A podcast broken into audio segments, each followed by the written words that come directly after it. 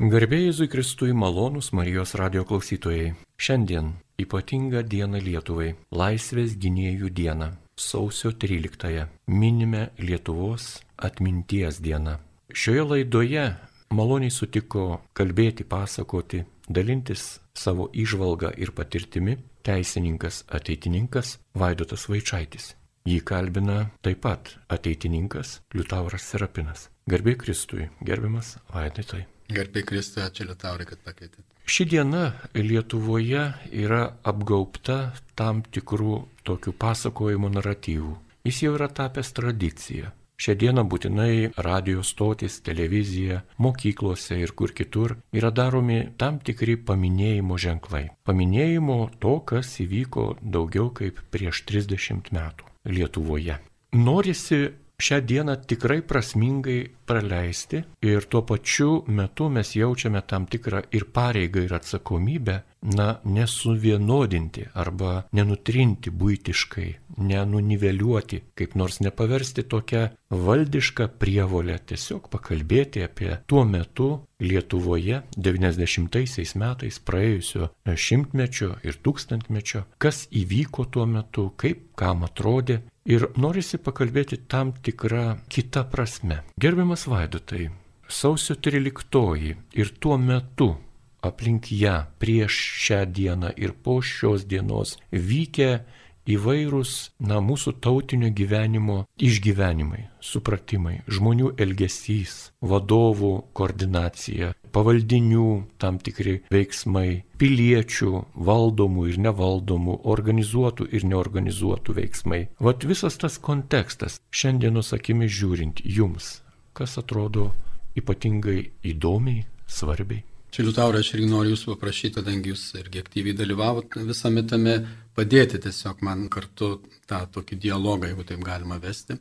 Aišku, aš pasidalinsiu savo išvalgomis. Tai iš tiesų sutinku, kad, kad reikia mums ir tokių istorinių datų, kai mes galėtume sustoti savo toj kasdienybei ir prisiminti, nes aišku, kasdienybei turbūt nu, neprisiminam, reiškia, nu, ne, neįmanoma jų prisiminti visą laiką, nes užgožė kiti dalykai, bet panašiai čia kaip su sekmadienio šventom mišio. Mes ateinam sekmadienį ir galim kažkaip apibendrinti visą, visą tą savaitę, nes kitaip, nu tikrai būtų toks vien tik taip bėgimas. Tai iš tikrųjų, sausio 13, vat, kaip istorikai e, vadina istorijos filosofija, gal čia yra tokia atminties vieta. Tai reiškia, kad toks įvykis, kuris gali būti vertinamas iš įvairių perspektyvų ir jisai peržengia jau, sakykime, tos tautinius nacionalinius rėmus, jisai tampa jau kažkoks tai tarptautinis. Tai va, tokia yra mūsų 91 metų sausio 13. Ir čia tų pjūvių, kaip kalbėti, labai daug. Tai čia tik taip noriu pasakyti, kad gal aš esu čia dabar ir kalbu apie tai būtent dėl to ir toks, koks esu dabar. Tai turiu dėkoti sausio 13. O dabar tiesiog pasvarstykim, kokie platus horizontai atsiveria kalbant, kokie pjūviai yra įvairūs. Sakykime, vienas yra tas faktinis istorinis, ne, nu, kaip tas vyko, kas buvo, kur buvo, kas ką darė. Ne, nu, tai čia, sakykime, palikimis istorikam, teismams, kurie šitą bylą nagrinėjo. Nu, tam, kitas pjūvis - geopolitinė sausio 13, sakykime, įtaka Sovietų sąjungos subirėjimui. Juk didžiulė įtaka, ne? mes prisimenam rūpiučio pučas, reiškia po to ir, ir visas tas e, griuvimas. Ne? Vidaus politinis, reiškia, įvykis. Ne? Tai juk buvo dalinis perversmas, dvivaldystė tam tikrą prasme. Ne? Parlamentas nebuvo užimtas, bet parlamento įstatymų leidybos procesas buvo nu, visiškai paralyžiuotas ne, tam tikrą laiką. Vyriausybės vadovas pasikeitė. Žodžiu, vidaus politinis tas buvo didžiulis, sakykime, įvykis. Sociologinis ta perspektyva. Kiek žmonių dalyvavo. Čia aš atsimenu, 14 metais mes su kita ateitininkė Reda lankėmės Kijeve per visus tuos įvykius. Ne? Ir, sakykime, naktį vaikštom e, tam Maidanė, reiškia, toj aikštėje, po to pasišildyti užeinam į, į kavinę, restoraną. Gyvenimas vyksta šalia, už 500 metrų. Vyksta gyvenimas, reiškia visiškai žmonės, tarsi nėra to kažkokio kito gyvenimo išėjus už to restorano. Tai, vat, nu, tai čia mes irgi turim įsivaizduoti, ne, ne, nereikia idealizuoti kažkaip. Tai, tai kiek žmonių dalyvavo, mažuma, nu, kokie kiek procentų. Tai aišku, kviesdavo ten apskritai, reiškia, iš įstaigų ateidavo ten būdėti, bet sakykime, tą sausio 13 naktį visose trijose vietose, ne, prie aukščiausios tarybos, Konarskio gatvėje ir, ir prie bokšto, kiek žmonių, jeigu kiek čia procentais yra. Tai, tai, tai prasme, čia irgi tada, kas apgina, kas daro revoliucijas, kokia žmonių reiškia dalis tik tai nedidelė. Ne? Ir tada kyla klausimas, ne, kaip čia su dabartim kažkaip tai. Ne? Tada dar galim kalbėti apie tikslą vienybę. Buvo visgi tas tikslas Dabar ar turim tą tikslą kažko? Koks dabar tikslas, ne, jeigu, jeigu reikėtų, kas, kas čia yra? Kita perspektyva, ta tokia kova už Lietuvos nepriklausomybę, kuri kartu gali būti ir kaip karinė, čia atsimenu, nemžinos atminties Patatskas sakė, sako, pergalė. Mūsų viena iš tokios modernios istorijos pergalių, ne, ir karinė prasme kartu. Ir ne tik tai karinė, reiškia, prasme. Ne, tai vat, kaip žmonės tą suprato, kaip jie gynė kaip beginkliai praktiškai. Pradėjo formuotis, susiformavo, reiškia, įvairios, sakykime, kvazi karinės institucijos, kurios gynė aukščiausią tarybą ir, ir taip toliau. Įdomi, pavyzdžiui, biblinė perspektyva, ne? sakykime, pagalvokim apie išėjimo knygą, reiškia, Mozės visą tą kelionę su žmonėm ir, ir žmonių nepasitenkinimą. Ne? Nu, tai aišku, didelė žmonių dalis buvo ir nepatenkinti tuo metu buvo nepatenkinti, jie aišku. Galvoju, dabargi mes jau į ketvirtą dešimtmetį šiaip išeinam ir aš galvoju su tam Mozės paralelė kažkaip tai irgi, o kada bus Lietuvos dvasinis atgimimas? Buvo nepriklausomybės, tas, sakykim, tautinis atgimimas. Kaip reikia dabar to dvasinio atgimimo iš tikrųjų?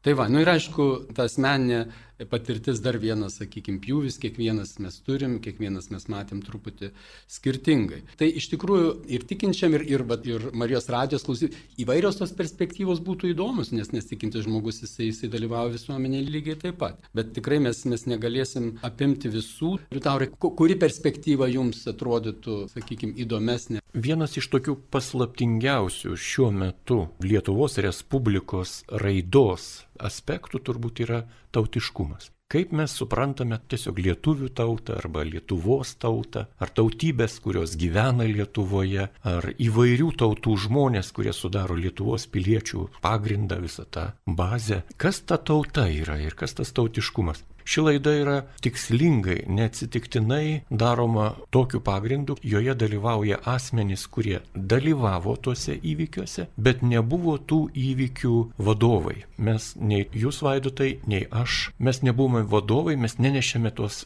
atsakomybės, kurie yra uždėta įgaliojimais, mandatais ir kuo kitu, bet mes tą atsakomybę priėmėme asmeniškai, personaliai, taip kaip mes tuo metu supratome ir aukojame savo gyvenimą, tuo metu aukojame savo laikas, tuo metu užsiemė kiti žmonės ėjo į darbą. Aš buvau vienas iš tų žmonių, kuris atvažiuodavo į aikštę prie parlamento, būdėti naktį. Aš turėjau kuprinėje Molotovo kokteilių. Aš juos buvau pasiruošęs ne polimui, o gynybai. Savęs gynybai, savęs apginimui. Galbūt vieno kito dar apginimui. Idealistas buvau naivus, jaunas, studentas. Aš įsivaizdavau, kad išmetęs tos butelius aš sudarysiu ugnies sieną, per kurią bus sunkiau praeiti amons jėgom kariniam ir mes per tą laiką galėsim kažkiek atsitraukti, pabėgti ar pasislėpti. Naivu visą tai buvo, bet ir už šapo žmogus grėbėsi, kai nieko kito aplink nėra. Ir aš buvau tas, kuris naktimis būdėdavau iki to laiko, kai jau žmonės važiuoja troleibusais į darbą, kai pradeda troleibusai judėti gatvėse, tai tada žinai, kad taip jau nuo parlamento galima atsitraukti, nes tada ateina kiti, tie, kurie naktį miegojo ar ėjo į darbą, valandėliai pasiliko, ar, ar ten taip toliau į parduotuvę keliavo kažkur. Paminėjote jūs tą kultūrinį kontekstą Maidane. Lygiai tas pats buvo ir Gedemino prospekte, jis tuo metu vadinosi Lenino prospektas. Ir buvo tokia kavinė mėta visai netoli parlamento. Nuostabi kavinė, interjeras buvo atliktas amžinatilsi dailininko Lino Katino. Tai buvo kavinė, kurioje naktį bufetininkė leisdavo net ant tų kėdžių miegoti. Kavinėje miegojo žmonės naktį. Ne kavą gėrė, ne konjaką, o tiesiog snaudė. Buvo galima šilumoje pamiegoti. Tai buvo šaltos naktys. Ir tas geopolitinis kontekstas. Artimuosiuose rytuose buvo prasidėjęs konfliktas, karas. amerikiečiai išsilaipino. Ir mes tą naktį ypatingai jautėme, kad gali būti pasinaudota ta padėtimi, kad ten karas, gali būti čia padaryti tie veiksmai, nes pasaulio opinija fiksuos tai, kas vyksta Kuveitė, Irake, bet ne Lietuvoje. Nes Lietuva nėra naftos gavėja, tiekėja ir taip toliau. Ir tą naktį buvo ypatingai sunku. Visi jautėme tą šaltuką tokį, kurį supratome, kad tai gali būti paskutinė naktis. Taip, tie kontekstai, vaidotai, be galo svarbus, o tautinis kontekstas yra pats labiausiai slėpiningas, todėl kad kai kalbame apie tautinę kultūrą, tautinį mokslą, tautinę politiką, tautinę ekonomiką, tautinį kažkokį vaikų ūkdymą, šeimą, bažnyčią ar ką kitą, šiuo metu stokojame tų, kurie vykdytų kūrybinį procesą. Tautinio pažinimo, tautinio supratimo, tautinės savasties, tautinės pasaulė žiūros ir pasaulė vaizdžio konteksto. Šiandien mes esame nebe tauta, esame kažkas vieniem daugiau, kitiem mažiau. Taip, todėl apie tautą kalbant, sausio 13 parlamento gynėjų diena, laisvės atminimo diena tampa kažkuo svarbiu. Ir nesinori vien tik tais euforijos. Suprantu, jog šiandien taip pat daugeliu žmonių ta visa polemika, visi tekstai apie sausio 13 yra atsibodę ir erzina žmonės, ir nervina, ir yra atsiradęs skepsis,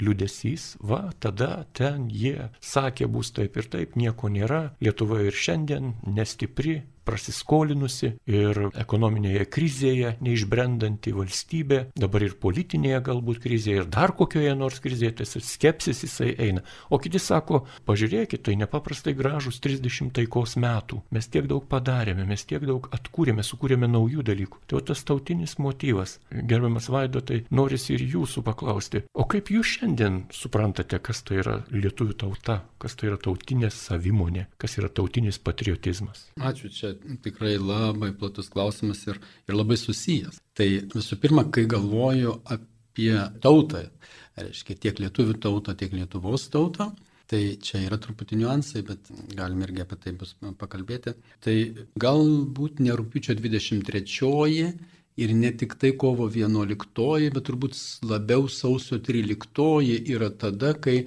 užgimė ta tauta kaip pilietinė visuomenė.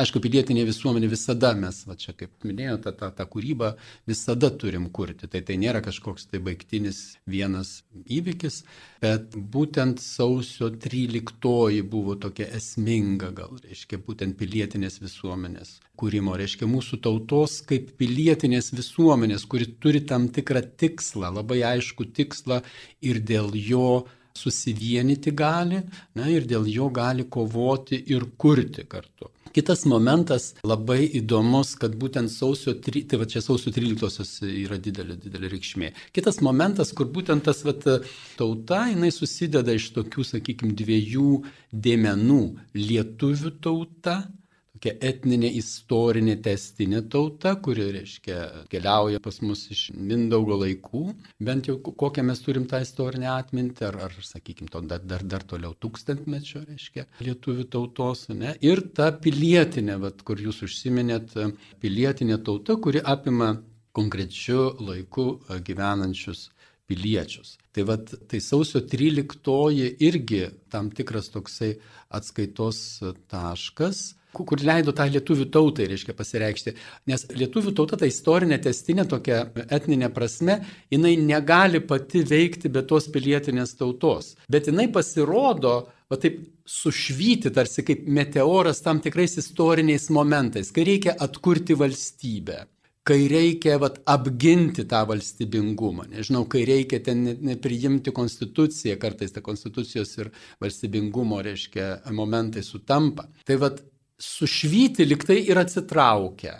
Ne? Atsitraukia vėl tarsi laukia to, to, to istorinio kažkokio revoliucinio e, momento. Liktai atsitraukia, už, užleisdama vietą tai tautai, kuri labiau jau kaip pilietinė reiškiasi, ne, per kūrybą, kuri čia nu, vat, buvo paminėta. Tai, tai būtent sausio 13 irgi buvo tas, vat, kodėl jinai yra atminties vieta, nes ten buvo tas sušvitėjimas, ne, kai tarsi per tuos gyvus žmonės tuo metu gyvenančius Lietuvoje būtent sušvitėjo lietuvių tauta, ta istorinė testinė prasme.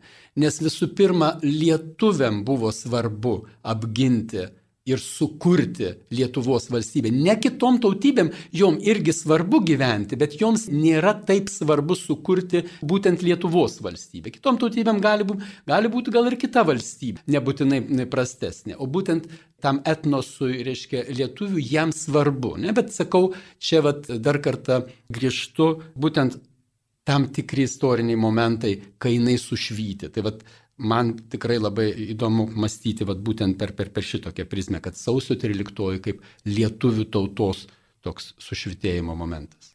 Įsiterpsiu. Vieną kartą turėjau pokalbį šią temą su rusų Marijos radio buvusiu direktoriumi Rusijos valstybėje, Sankt Peterburgė šiuo metu. Ir mes kalbėjome apie lietuvių tautiškumą ir apie valstybingumą. Ir man buvo įdomu sužinoti, kaip rusai žiūri, inteligentas rusas, kuris yra gydytojas ir yra meno istorikas, turi doktoratą ir turi istorijos doktoratą ir yra žurnalistų sąjungos narys ir, ir dar yra katalikas. Labai daug tokių kultūrinių plokščių telpa tame asmenyje. Tiesiog paklausiau, kaip jis mato Lietuvą. Tai jis atsakė, sako, na, aš truputėlį kitaip matau negu dauguma Rusijoje, bet dauguma Rusijoje į Lietuvą žiūri kaip į valstybę. Tuo tarpu į Estus, mūsų kaimynus, arba Latvius, jie nežiūri kaip į valstybę. Nes jie neturėjo valstybingumo, kuris buvo jūsų minėtas Mindaugo laikais. Tuo metu ten buvo visai kitos kunigaikštystės, jos nebuvo etninės. Berots Latvijai priklausė ordinui. Kalavijuočių. Kalavijuočių ordinui. Taip, taip, Livonijos. Livonijos. O estų aš nesu specialistas, istorikas irgi. Dalis estų teritorijos ir, irgi taip pat. Irgi taip pat. Livonijos ordinui. Bet jie neturėjo savo karalystės. Ir rusai tradiciškai nelaiko jų kaip tokių gelmę istoriją turinčių valstybių sąraše. Jos yra naujos, naujadarai, sukurtos naujos valstybės. Lietuva nėra nauja valstybė. Lietuva yra sena valstybė, turėjusi santykius su Maskvos kunigaikščiais, giminystės santykius ir kaip kitai, bet kaip, kaip valstybė. Tai stebina, kad šitas tradicijos tesimas, jisai gyvas dar iki šioliai rusų inteligentų galvose ir jie mus mato tokiais. Mane nustebino tai. Lygiai taip pat aš suprantu, kad dabar kalbėti apie tautiškumą dabartinėme kontekste, jeigu reikėtų prabilti į tą klausytoją, kuris šiuo metu įsijungia radio imtuvą, priminsime, jog šiuo metu jūs klausotės radio laidos apie Lietuvos laisvės gynėjų minėjimą, yra skirta sausio 13 paminėti.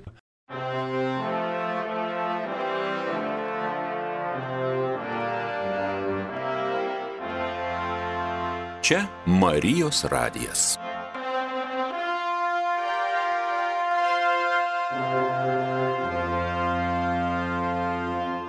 Ir prie mikrofono yra teisininkas, ateitininkas dr. Vaidotas Vaičaitis bei ateitininkas Liutauras Serapinas, Marijos radio darbuotojas. Ir mes kalbame tą temą, tai mums tą temą yra sunku kalbėti, nes mes suprantame, kad šiuo metu tautiškumas nebėra suprantamas taip, kaip buvo suprantamas prieš 30 metų, kai mes vadavomės iš sovietinės okupacijos. Ir jis nebuvo suprantamas taip, kaip apie tautiškumą kalbėjo Juozas Girnius arba Antanas Maceina apie bažnyčios tautiškumą arba Stasys Šalkauskis arba kiti tuo metu intelektualai, ne vien ateitininkai, bet ir politikai, galime imti vyskupus, Mečislavą Reinį ar ką kitą, kaip buvo suprantamas tautiškumas. Visiškai kitaip. Kaip dabar jisai suprantamas, kaip jį dabar supranta mūsų vaikai ar anūkai, man yra sunku pasakyti, nežinau, gal kultūriškai, gal kaip nors geografiškai, gal kaip nors pagal kažkokią tai, nežinau, kitą dimenciją, bet akivaizdžiai matome, jog tautiškumas nebėra suprantamas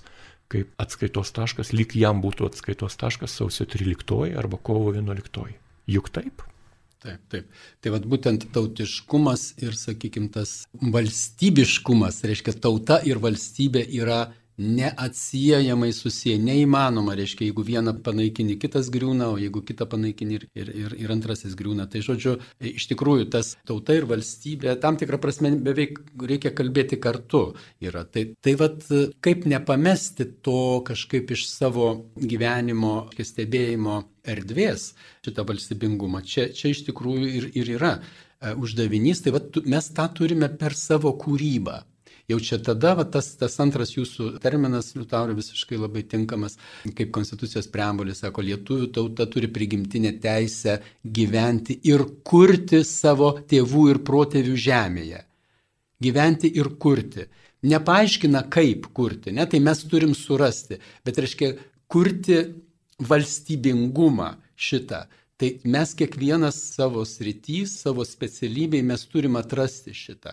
Ir dabar iš tikrųjų liktai dingo, nes buvo tikrai aiškiau prieš 30 metų nepriklausomybę, reiškia, reikia apginti. Ne? Tai ta, ta kūryba labai konkreti - apginti.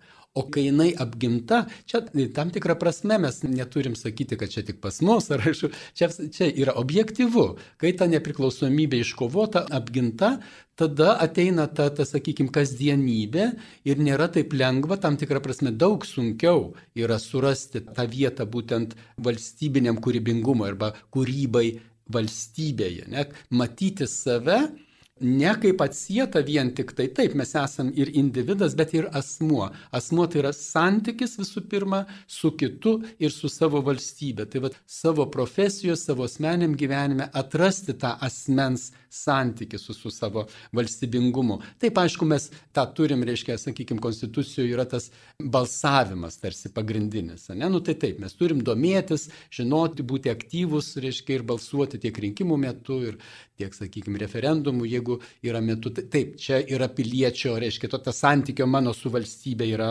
nu, jau, sakykime, toksai privalomas dalykas. Bet be to šalia, kur sako, preambuliai sako, gyventi ir kurti savo tėvų ir protėvių žemė, tai, tai ką reiškia puoselėti tą, ką paveldėjom iš protėvių ir kurti naujai.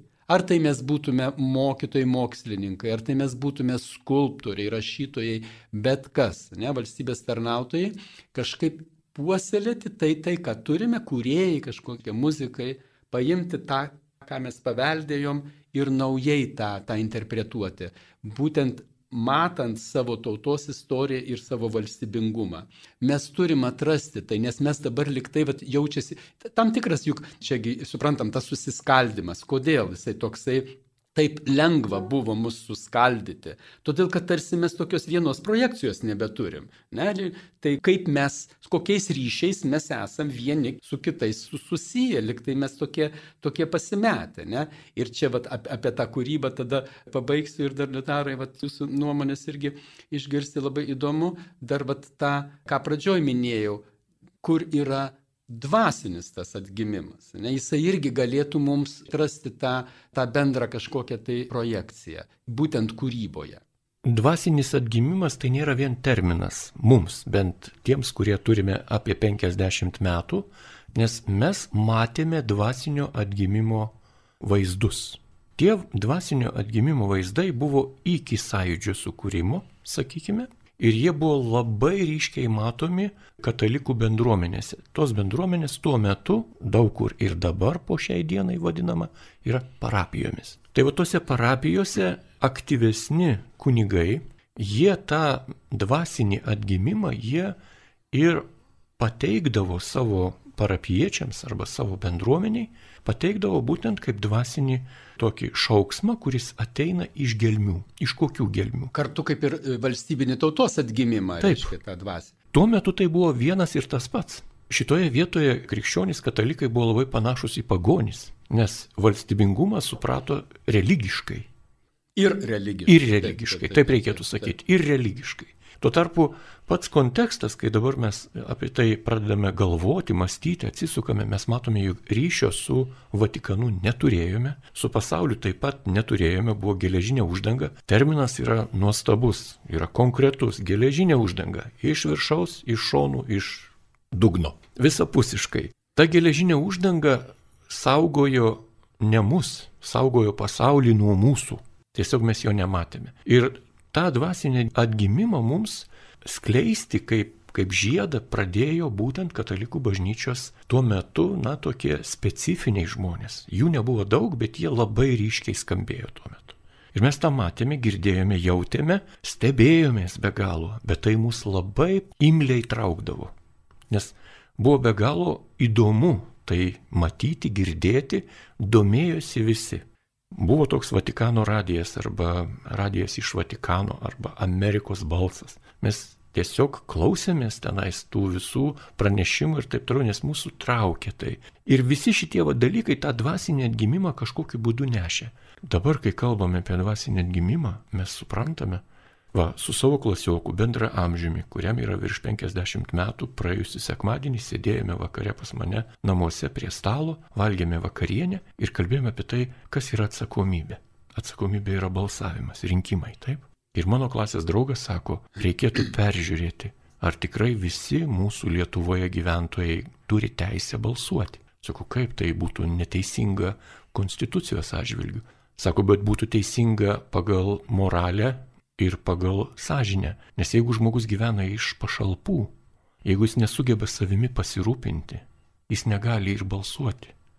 Jeigu žmogus dirba valstybei, yra valstybės tarnautojas ir atlieka užduotis, kurias suformuoja valstybės kiti tarnautojai, jis negali balsuoti, nes jis jau tą atlieka kitokiu būdu, bet teisę praranda dėl to, kad jis yra suvaržytas įsipareigojimų. Įkalinimo įstaigose, tarp kitko, irgi. Be jokios abejonės. Kariuomenė, į, įkalinimas, policija, teismai, ten tos visos organizacijos, kurios yra, sakykime, išlaikomos iš valstybės pinigų, visokie ten, ar ten kokie, nežinau, kokių ten jų yra daugybė jie neturėtų teisės balsuoti. Ir man tai sako mano klasiokas. Ir aš suprantu, kad mes esame vienoje klasėje sėdėję vienam suolė, bet skirtingai matome ir suprantame. Bet ir jis teisus, ir aš teisus. Ir aš suprantu, kad tas žmogus, kuris neuždirba minimumo ir negali sukurti savo šeimos laisvės, jis taip pat neturi teisės balsuoti, nes jis nesugeba net savimi pasirūpinti. Jo, gal aš kitaip apverčiau, reiškia, šitą teiginį, sakyčiau, galima sakyti ne tai, kad jisai neturi tą teisinę prasme ar konstitucinę prasme jisai turi, bet tada... Moralinė. Bet, moralinė. Jo, bet, bet tada kaip jisai ir pats jaučiasi, jis nesijaučia tos bendruomenės nariu. Jisai nesijaučia, kad kažkaip jisai nori prisidėti, kad jo tas indėlis yra svarbus. Jo, bet tas ryšys su kitu būtent per tą pilietybę, per tą valstybingumą jisai sutrukinėjęs visiškai jo. Ir tada taip, tada išeina, kad e, jam nėra svarbu ir čia jo, čia ta, ta problema mūsų, jeigu tik apie balsavimą kalbėti, kur, kur čia, sakykime, vis tiek, nėra geresnės priemonės, kaip suprasti tą pilietinę tautą, būtent tai yra dalyvavimas balsavime. Tai jokių būdų tai čia yra tik tai labai maža dalis, bet jinai tokia labai ryški, aiškiausia gal ir kur yra kita pusė tų žmonių, ne, kur, kur yra. Tai vad sutrukinėja tie ryšiai, nėra tokio, jie nejaučia bendro ryšio, jie yra kažkokie tai individai. Tai vad būtinai, vad, kai mes kalbam apie dvasinį atgimimą, reikia grįžti vėl ir pasiekti tuos žmonės. Pasiekti žmonės tuos, kad mes jaustume šitą bendrą ryšį nes kitaip ne, kit, kitaip nebus nei dvasinio atgimimo ir nei tada nei tautinio valstybinio atgimimo, kurio mums taip reikia. Dabar įėjom į tą Mozės, reiškia, ketvirtą dešimtmetį ir galvoju, kas bus Liutaurai po dešimties metų, čia labai įdomu. Turės jūrą atsiverti, taip. Tikrai. Ar pasieksime tą pažadėtąją, reiškia, per tą jūrą, per pažadėtąją jūrą. žemę, pas, pasieksime mes. Nu, kažkaip noriu tikėti, kad mes ją pasieksime reikia bent jau palikti vilties šioje laidoje tiems, kurie galbūt pirmą kartą susiduria su šiuo klausimu, kas yra jo tautiškumas ir kaip jis tą tautiškumą supranta. Yra dar vienas terminas, kuris mums yra paliktas kaip palikimas, jis nėra išdiskutuotas ir nėra šiuo metu populiarus. Tai yra Dievo tauta. Tiesiog Dievo tautos žmonės. Taip, Dievo tauta. Kas ta Dievo tauta? Tai tie žydai, kurie gyveno prieš 2000 metų ir paskui pateko į švento rašto tekstus, ar mes? Kas yra ta Dievo tauta? Ir kaip ta tauta reiškiasi, koks jos yra tautiškumo na, istorinis kelias, koks jos yra tautiškumo dabarties momentas, apsisprendimas ir, ir taip toliau, ir taip toliau. Ir šitoj vietoj labai Lietuvoje yra populiaru kalbėti apie tikėjimą, apie Dievą, net apie dievus, pagonybės ten ir kokius kitokius. Ir lietuviai yra imlus tikėjimui asmenys. Slėpiningas dalykas, bet tikrai imlus. Dar įdomiau yra tai, kad lietuviai nors ir labai imlus tikėjimui, bet jie nėra radikalūs fanatikai. Labai reta tokių pavyzdžių, kur būtų galima sakyti, kad čia pasireiškia jau tiesiog fanatizmas, kokiu nors ten susideginimu ir taip toliau. Taip mes turim du asmenys - skulptorių, kuris susidegino prie Vengrijos sienos ir turime studentą, kalantą, kuris susidegino, bet jie susidegino ne dėl religinių įsitikinimų, dėl ko kito. Ir reiškia, mes neturim to radikalumo, kuris yra būdingas šiuo metu, sakykime, rytų religijoms ir taip toliau. Ir ta Dievo tauta, vaidotai, Kaip tu ją šiuo metu supranti, kaip tu ją bandai na, įsileisti į savo gyvenimą, į savo namus? Vaikus klausimas. Čia išskirčiau du tokius terminus, dvi dedamasias - Dievo tauta ir išrinktoji tauta. Čia abu du šitie labai svarbus. Tai Dievo tauta iš tikrųjų galėtų būti, vat, kaip mes kalbam apie mūsų tą lietuvių tautą ir Lietuvos tautą, tai aišku, čia tada galėtume įsivaizduoti, kad ne visi, nes aišku, ta tauta, tarp kitko, Lietuvos tauta, jinai yra daugia breunė, reiškia etninių pagrindų, jinai yra skirtinga ir etninių, ir religinių pagrindų. Ir tai labai gerai. Ne? Lietuvių tauta etninių pagrindų tarsi, sakykime, na, tokia vientisa, o Lietuvos tauta jinai yra skirtinga. Tai va, kaip jau iš karto matom, kad ta pilietinė tauta jinai įvairi. Tai va, į, į šitą į tą etninį momentą taip pat galėtume ir tą religinį momentą įvesti, būtent suprasti tikinčiuosius, irgi sudaro dalį tos lietuvių ir kartu Lietuvos tautos. Tai jie turi dar vieną perspektyvą. Tie tikintieji, jie gyvena pasaulyje, čia apaštalas Jonas, ne, gyvena pasaulyje, bet nėra iš pasaulio malda didįjį ketvirtadienį, gyvena pasaulyje, bet nėra iš pasaulio. Tai reiškia, turi visai kitą perspektyvą, kuri duoda tam tikrą tikslą ir kartu vienybę su kitais. Tai čia labai svarbu tą kažkaip. Kuo žmogus turi daugiau tų perspektyvų, tuo jisai geresnis pilietis. Kuo jisai prisiema daugiau tų vaidmenų valstybėje, tuo jisai geresnis, nes jis tuo turi daugiau santykių su įvairiomis bendruomenėmis. Dabar išrinktoji tauta, tai čia apskritai, kai mes kalbam šiandieninė prasme, kas yra ta, sakykime, nacionalinė arba tauta, tai išrinktoji tauta kaip žydų tauta, tai yra tos nacionalinės tautos tam tikra paradigma. Tam tikra paradigma, kas yra, reiškia, sakytume angliškai the nation arba the people, reiškia. Tai vat ir yra ta išrinktoji tauta. Kodėl? Tai tas toksai paradigma tam tikra.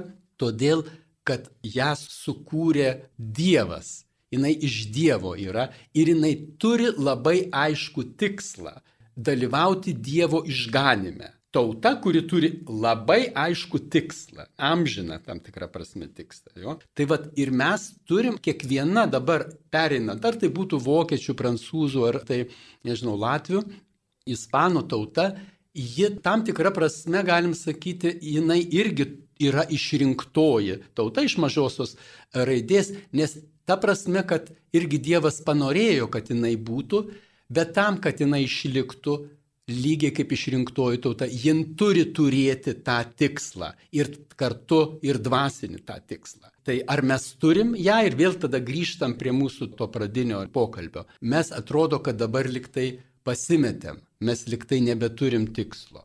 Ir apie šitą tikrai reikia kalbėti.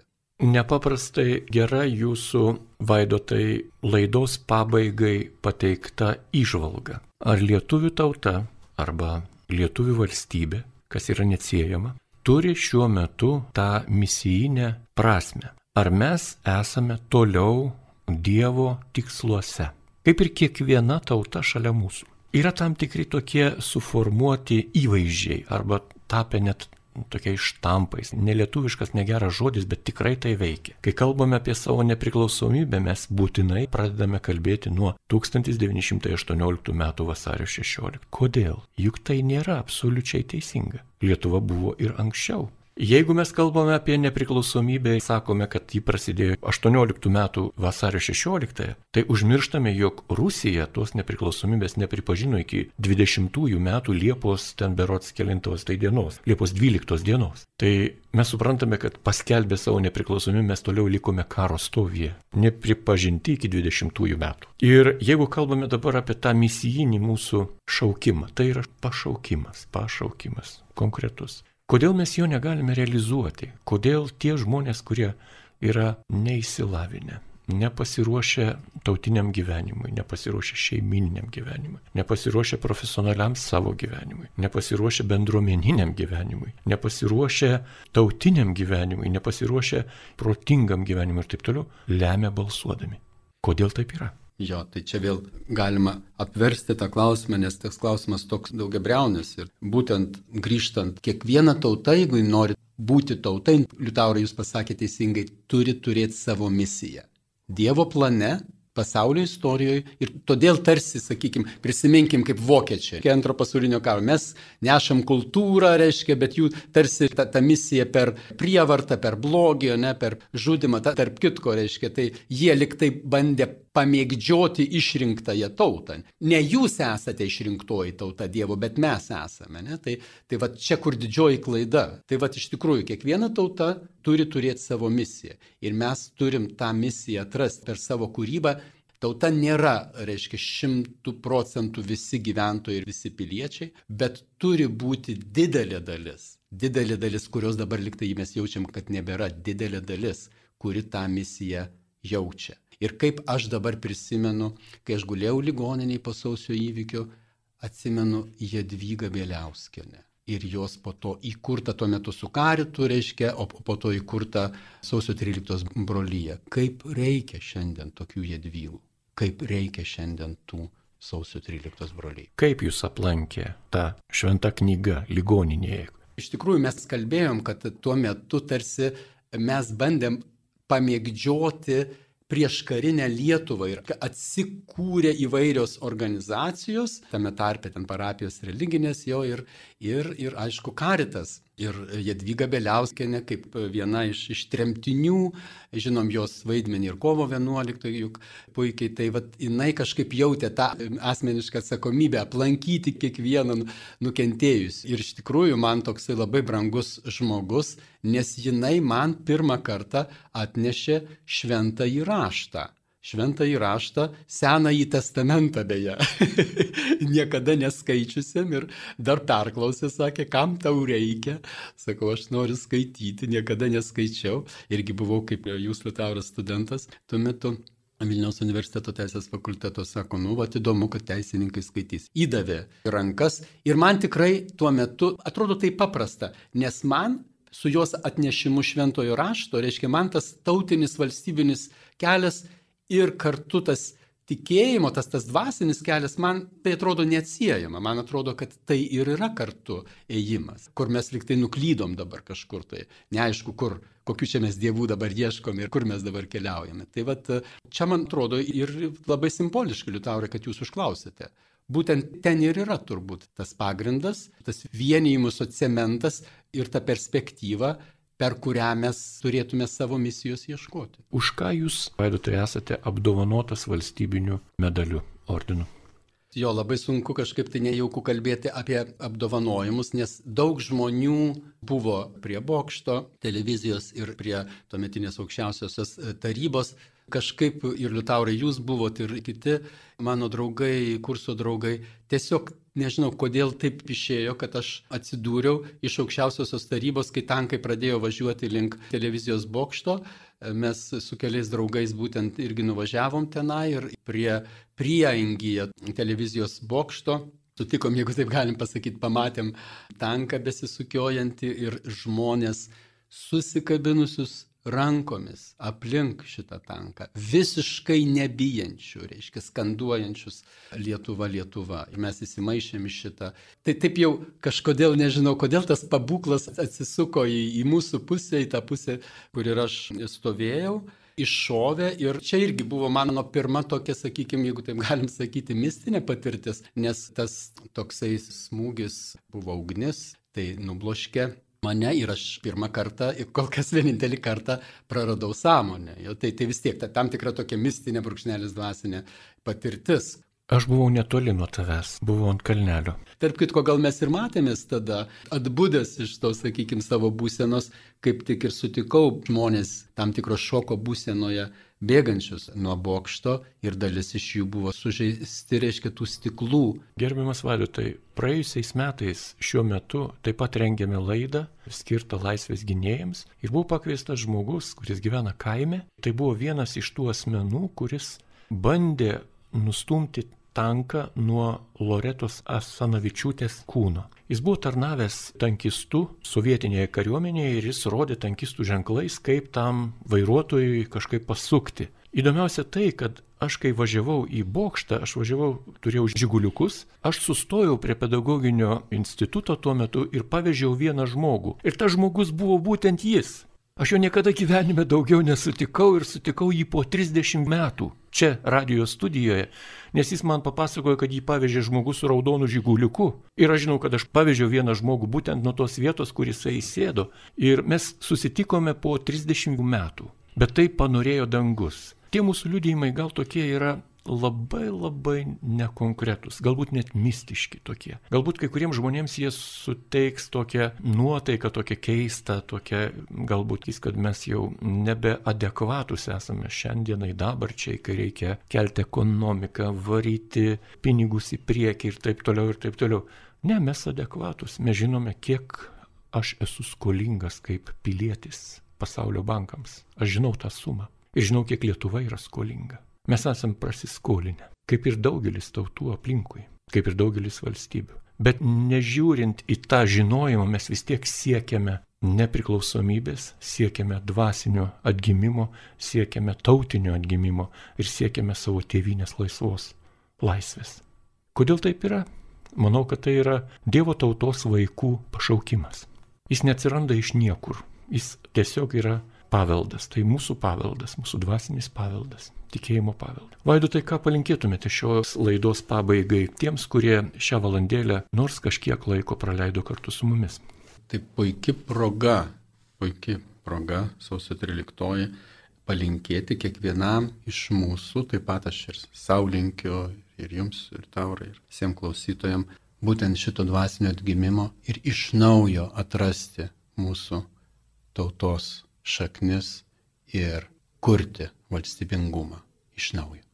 Malonus Marijos radio klausytojai, sveikiname Jūs su Laisvės gynėjų diena. Šiandien šioje laidoje su Jumis bendravo teisininkas, ateitininkas Vaidotas Vaičaitis, jį kalbino ateitininkas Marijos radio darbuotojas Liutauras Serapinas. Su šventėmis Jūs.